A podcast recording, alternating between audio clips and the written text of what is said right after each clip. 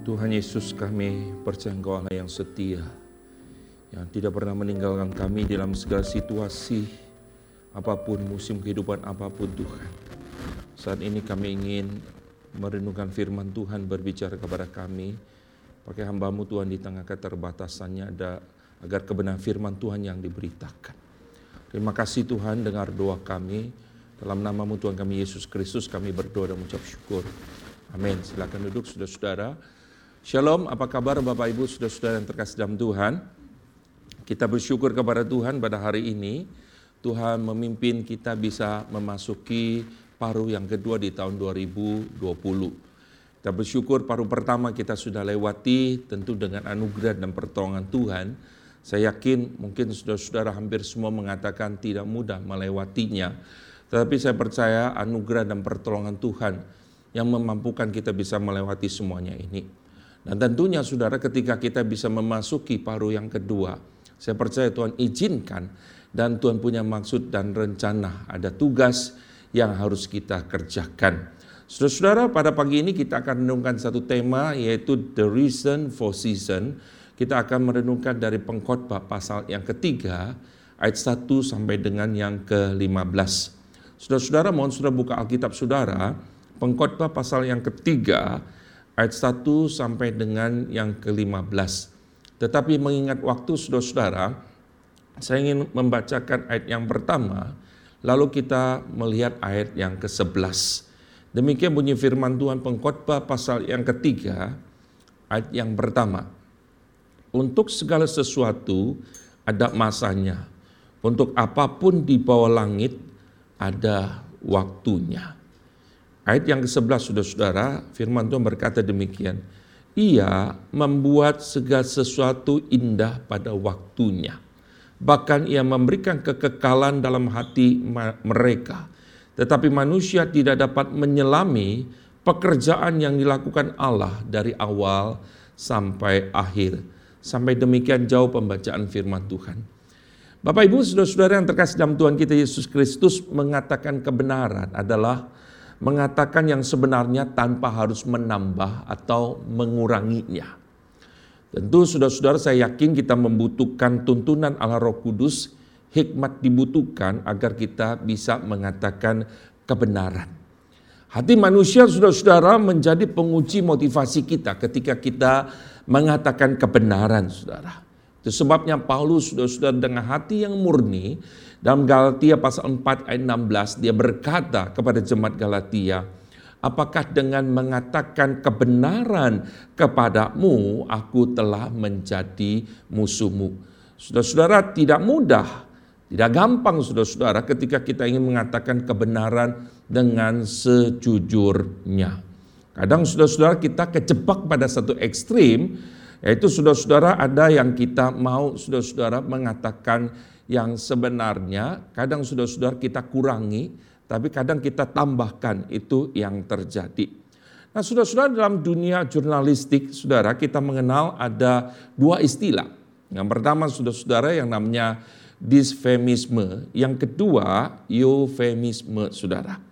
Saudara-saudara, disfemisme adalah ungkapan bahasa dengan makna yang kasar atau kurang sopan. Itu yang sering kali kadang saudara-saudara kita dapatkan. Tetapi saudara-saudara, kalau eufemisme, saudara-saudara itu berasal dari bahasa Greka. Eu itu itu baik saudara-saudara. Lalu kemudian dari kata femisme itu adalah kata femo atau berbicara. Jadi waktu eufemisme itu berarti saudara-saudara perkataan yang baik atau perkataan yang sopan. Itu maksudnya saudara-saudara. Jadi kalau saudara misalnya kita tahu istilah iu itu baik, misalnya eutanasia dari thanatos artinya mati yang baik. Itu dari bahasa Greka. Nah eufemisme artinya saudara-saudara berbicara yang sopan, berbicara yang baik, yang halus saudara-saudara. Nah saudara-saudara misalnya kita bilang orang miskin, kita sebut dengan misalnya prasejahtera misalnya saudara. Orang yang tidak bisa melihat, kita sebut dengan misalnya tuna netra seperti begitu. Kadang saudara-saudara kita tanya misalnya toilet itu kurang sopan, jadi kita bilang kamar kecil ada di mana saudara. Orang landangan kita bilang tuna wisma saudara seperti begitu. Saudara-saudara baik sebenarnya tidak ada yang salah dengan hal ini. Tapi permasalahannya adalah saudara-saudara ketika saudara-saudara eufemisme saudara kadang disampaikan maknanya itu saudara-saudara menjadi berbeda. Itu yang terjadi. Saudara-saudara misalnya kita lihat ada orang kelaparan kita bilang eh, kekurangan pangan seperti itu yang terjadi. Sehingga saudara-saudara menghaluskan makna itu sendiri. Dan sekarang saudara-saudara kita selalu sudah kenal dengan istilah kita berada di satu masa yang disebut dengan new normal, saudara. Saudara-saudara pertanyaannya begini, apakah betul kita memasuki kenormalan yang baru? Satu normal yang dulu tidak normal, lalu sekarang kita masuk kepada kenormalan yang baru. Sesungguhnya kalau kita mau jujur saudara-saudara, hari ini ketika kita pakai istilah new normal, sebenarnya kita sedang masuk satu masa yang tidak normal atau abnormal. Saudara-saudara, kalau kita misalnya memahami new normal, akhirnya kita memahami saudara seakan-akan bahwa semua sudah lewat, tidak ada masalah lagi, tidak ada virus lagi, sehingga kemudian tidak perlu lagi berjaga-jaga, saudara. Nah itu akan bahayanya ketika kita salah memahami hal ini. Nah saudara-saudara ketika hari ini kita membaca kitab pengkhotbah. Sudah sering kali saudara-saudara kitab ini dihindari karena pandangan si pengkhotbah ini seakan-akan tidak sejalan dengan kita. Namun sesungguhnya saudara-saudara pengkhotbah ini mengatakan kebenaran yang sesungguhnya kepada kita saudara. Ia tidak menambah, ia tidak mengurangi, bahkan saudara-saudara menghaluskan kebenaran itu, saudara. Nah, saudara-saudara, apa yang kita pelajari dari pengkhotbah pasal yang ketiga ini, saudara?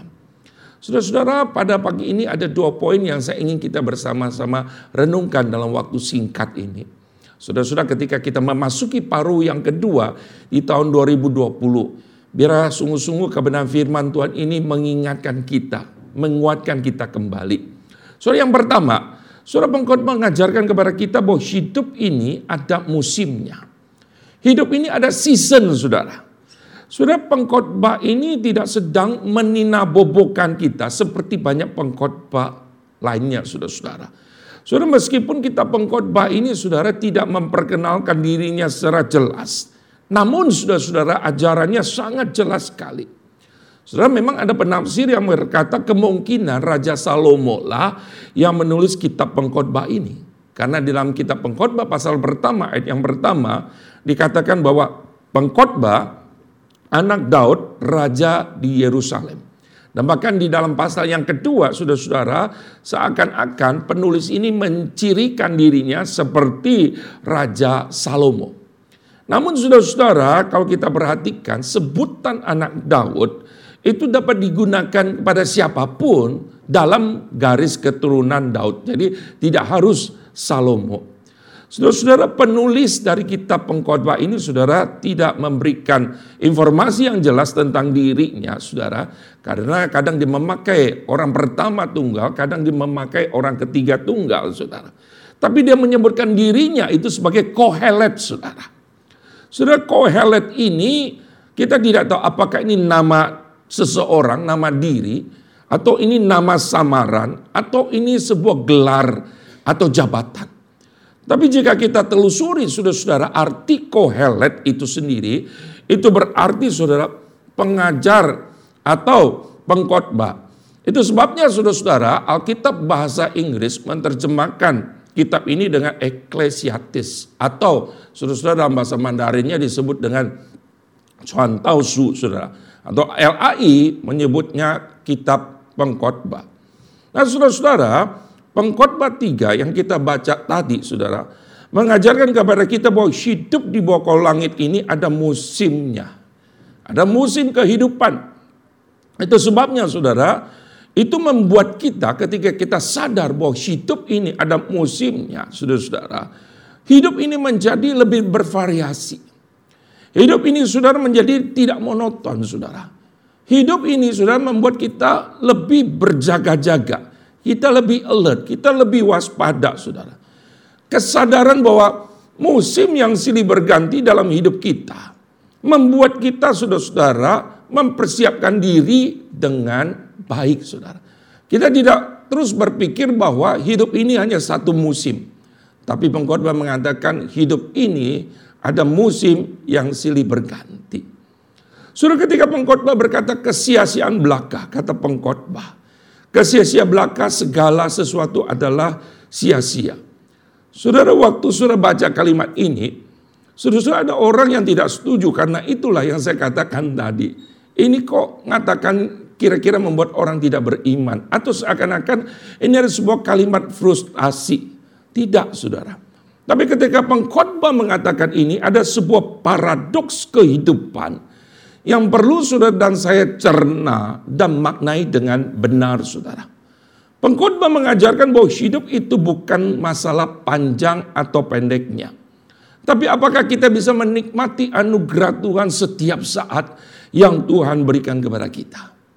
Maka itu saudara dalam pengkhotbah 6 ayat 6 saudara-saudara, pengkhotbah berkata begini, biarpun sudah perhatikan, ia hidup dua kali seribu tahun. Saudara panjang sekali. Saudara setahu saya dalam Alkitab orang paling panjang itu Metusala 969 tahun.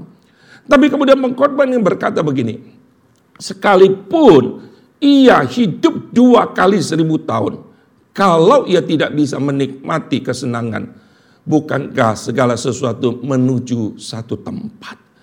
So itu sebabnya saudara-saudara manusia perlu menyadari bahwa hidup ini bukan saja singkat.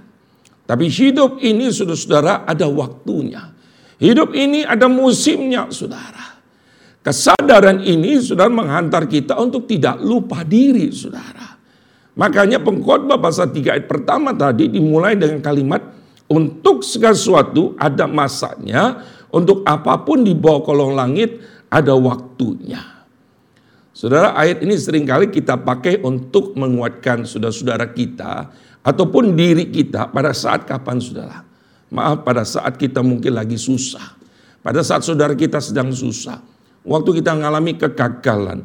Waktu kita mengalami mungkin kehilangan pekerjaan. Waktu mungkin kita maaf mungkin bangkrut. Waktu kita lagi sakit dan lain sebagainya. Ayat ini begitu menguatkan. Segala sesuatu ada waktunya. Kita percaya bahwa waktu sekarang kita lagi susah. Nanti ada waktunya yang baik yang indah, kita bisa sukses. Saudara-saudara tidak salah. Tetapi permisi tanya saudara-saudara, apakah sekali lagi ayat ini juga berlaku sesungguhnya pada saat kita lagi sehat, pada saat kita sedang sukses, pada saat kita sedang banyak berkat, pada saat sedang banyak uang, apakah kemudian kita berkata segala sesuatu ada waktunya? Artinya, saudara, kita menyadari pada waktu saya sukses, tidak selalu saya ada di musim itu. Pada saat sekarang saya punya banyak berkat, tidak selalu. Pada saat saya ada di posisi top, tidak selalu saya ada di sana. Karena saudara ada musimnya saudara. Sekali lagi ada waktunya saudara. Ini yang paling penting. Itu sebabnya maka di dalam ayat kedua sampai ayat delapan Pengkhotbah memberikan 14 antitesis untuk menyadarkan kita bahwa hidup di bawah kolong langit ada musimnya, saudara. Pengkhotbah berkata salah satunya, ada musim kita menanam, ada musim kita mencabut apa yang kita tanam, saudara. Artinya saudara ada masanya hidup ini saudara. Ada musimnya. Saudara kita perlu sadar akan hal ini. Ketika kita tidak sadar, kita ada di musim semi, kita berpikir semuanya semi, saudara. Makanya kita tidak siap ketika musim gugur itu tiba. Saudara-saudara yang terkasih dalam Tuhan, kita ingat sekali pada waktu Fir'aun bermimpi, Yusuf itu mengatakan, ada tujuh tahun kesusahan, tapi ada tujuh tahun kemakmuran. Saudara-saudara, ada musim di dalam kehidupan kita itu sebabnya kita diajarkan bijaksana. Sudah musim kehidupan itu sesungguhnya menguji fokus kita. Musim kehidupan Tuhan berikan menguji kesetiaan kita. Musim kehidupan itu menguji iman kita. Dan bahkan musim kehidupan yang Tuhan berikan menguji kualitas hidup kita di hadapan Tuhan. Saudara-saudara John Robert Wooden, saudara, seorang pemain basketball Amerika, dan saudara dia kepala pelatih Universitas California di Los Angeles. Saudara-saudara waktu saya membaca ada komentarnya yang sangat menarik. Dia berkata begini, berkat adalah pemberian Tuhan, jadilah rendah hati. Terkenal adalah pemberian orang, jadilah bersyukur. Tetapi kesombongan adalah pemberian diri sendiri berhati-hatilah. Saudara-saudara, musim kehidupan ini menguji kualitas hidupmu dan hidupku di hadapan Tuhan, saudara. Saudara-saudara, kita sadar bahwa hidup ini ada musimnya. Yang kedua, saudara kita perlu renungkan. Tuhan mengatakan bahwa Tuhan bukanlah musim kehidupan itu sendiri. Saudara, tentu hidup ada musimnya. Tapi Tuhan bukan musim itu sendiri, saudara. Musim itu bisa silih berganti dalam hidup kita. Saya yakin dan percaya saudara setiap kita pernah mengalami berbagai musim kehidupan. Tapi saudara-saudara kegagalan terbesar dalam hidup kita atau dalam mengiringi Tuhan adalah ketika kita menyamakan bahwa Tuhan itu sama dengan musim kehidupan. Sekali lagi, Ketika kita mengidentikan bahwa musim kehidupan itu Tuhan, maka pengenalan kita kepada Tuhan itu salah saudara. Dan itu sebabnya kenapa kita menghadapi pergumulan, kita meragukan dan meninggalkan Tuhan. Saudara, jika demikian maka tidak heran orang-orang yang ketika musim semi tiba, imannya juga muncul. Tetapi ketika musim gugur datang, iman itu pun gugur saudara. Itu yang terjadi. Saudara-saudara, Tuhan bukan musim itu sendiri. Saudara Philip Yancey dalam bukunya Disappointment with God atau kekecewaan terhadap Tuhan, dia mengisahkan tentang temannya yang bernama Douglas. Saudara-saudara Douglas ini bekerja sebagai seorang psikoterapi. Tetapi kemudian saudara dia meninggalkan karirnya demi panggilannya melain Tuhan di daerah pinggiran kota. Saudara, ini ada sebuah keputusan yang mulia bagi saya. Tetapi kemudian saudara-saudara, ketaatan dia pada panggilan Tuhan tidak membuat dia bebas dari berbagai musim kehidupan yang datang silih berganti di dalam hidupnya. Sudah berapa tahun kemudian setelah dia taat pada panggilan Tuhan, di dada istrinya ditemukan ada benjolan. Dan bersyukur saudara-saudara, kemudian dilakukan operasi dan berhasil dibuang. Tetapi saudara-saudara, dua tahun kemudian, kankernya ini muncul lagi dan menyebar ke seluruh paru-paru istrinya. Saudara-saudara, ia harus melain Tuhan. Tapi dia juga harus mengerjakan pekerjaan rumah tangga. Karena istrinya tidak bisa membantu dia. Istrinya harus berjuang melawan saudara ganasnya kanker yang dideritanya. Saudara-saudara, singkatnya suatu malam ketika dia bersama istri dan putrinya, satu-satunya umur 12 tahun, saudara. Tengah mengendarai mobil, saudara. Tiba-tiba, saudara, keluar sebuah truk dengan kecepatan tinggi. Seorang pria, drivernya itu mabuk, saudara-saudara. Lalu melewati garis pemisah jalan. Dan menabrak bagian depan mobilnya itu. Dengan kencang sekali.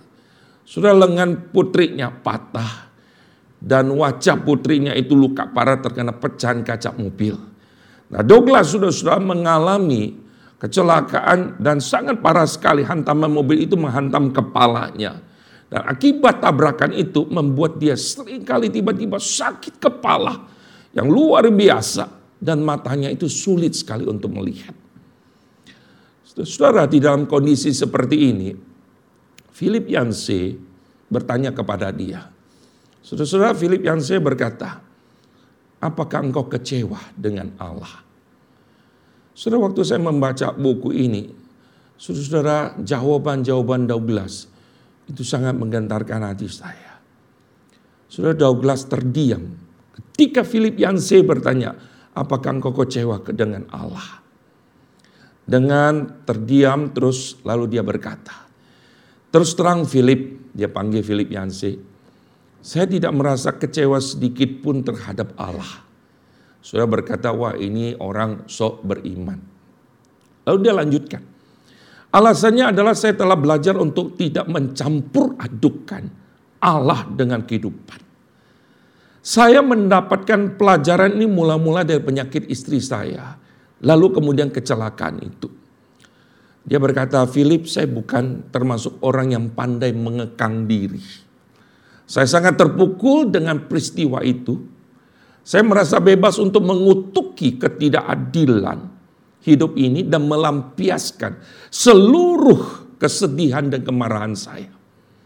Namun saya percaya bahwa Allah merasakan hal yang sama dengan kekecewaan itu. Saya telah memandang jauh, belajar memandang jauh melampaui kenyataan fisik di dunia ini dan melihat kenyataan spiritual. Sering kita berpikir hidup ini seharusnya adil sebab Allah adalah adil. Namun Allah bukan kehidupan. Keberadaan Allah dan kasihnya terhadap saya tidak bergantung pada kesehatan saya. Terus terang saya mendapatkan kesempatan lebih banyak untuk memperdalam hubungan saya dengan Allah di saat saya lemah daripada sebelumnya. Nah, sudah perhatikan kalimat dia yang ini. Jika saya diperlakukan dengan baik dan saya baru ikut dengan dia, maka iman saya adalah iman kontrakan. Jika saya diperlakukan baik oleh Allah, maka saya ikut dia jika musimnya ini semua musim semi dan saya ikut Tuhan, maka iman saya adalah iman kontrakan. Saudara, kalimat itu membangunkan kita dari tidur kita, saudara. Imanmu dan imanku, saudara, bukan iman kontrakan dengan Allah, bukan. Allah bukan kehidupan itu sendiri. Allah bukan musim kehidupan itu. Allah hidup dalam semua musim kehidupan. Saudara mesti kita paham. Pengkhotbah mengajarkan kita bahwa musim kehidupan itu bukan Tuhan. Tuhan di atas musim kehidupan.